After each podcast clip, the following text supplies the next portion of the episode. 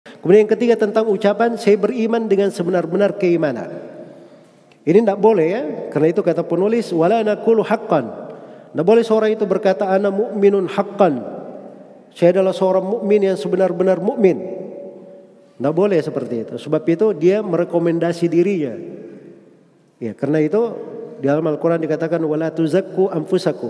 Jangan kalian merekomendasi diri-diri kalian. Iya. Dan yang kedua, wala naqulu indallah. Jangan pula dia berkata saya beriman di sisi Allah. Seakan-akan sudah dipastikan keimanannya itu di sisi Allah sudah benar. Ah, ini juga tidak benar.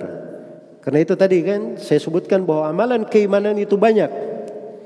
Ya kalau dia melakukan semuanya tidak mungkin dia bisa mengkenangan saya melakukannya semua. Mukmin semua jenis amalan keimanan dia kerjakan.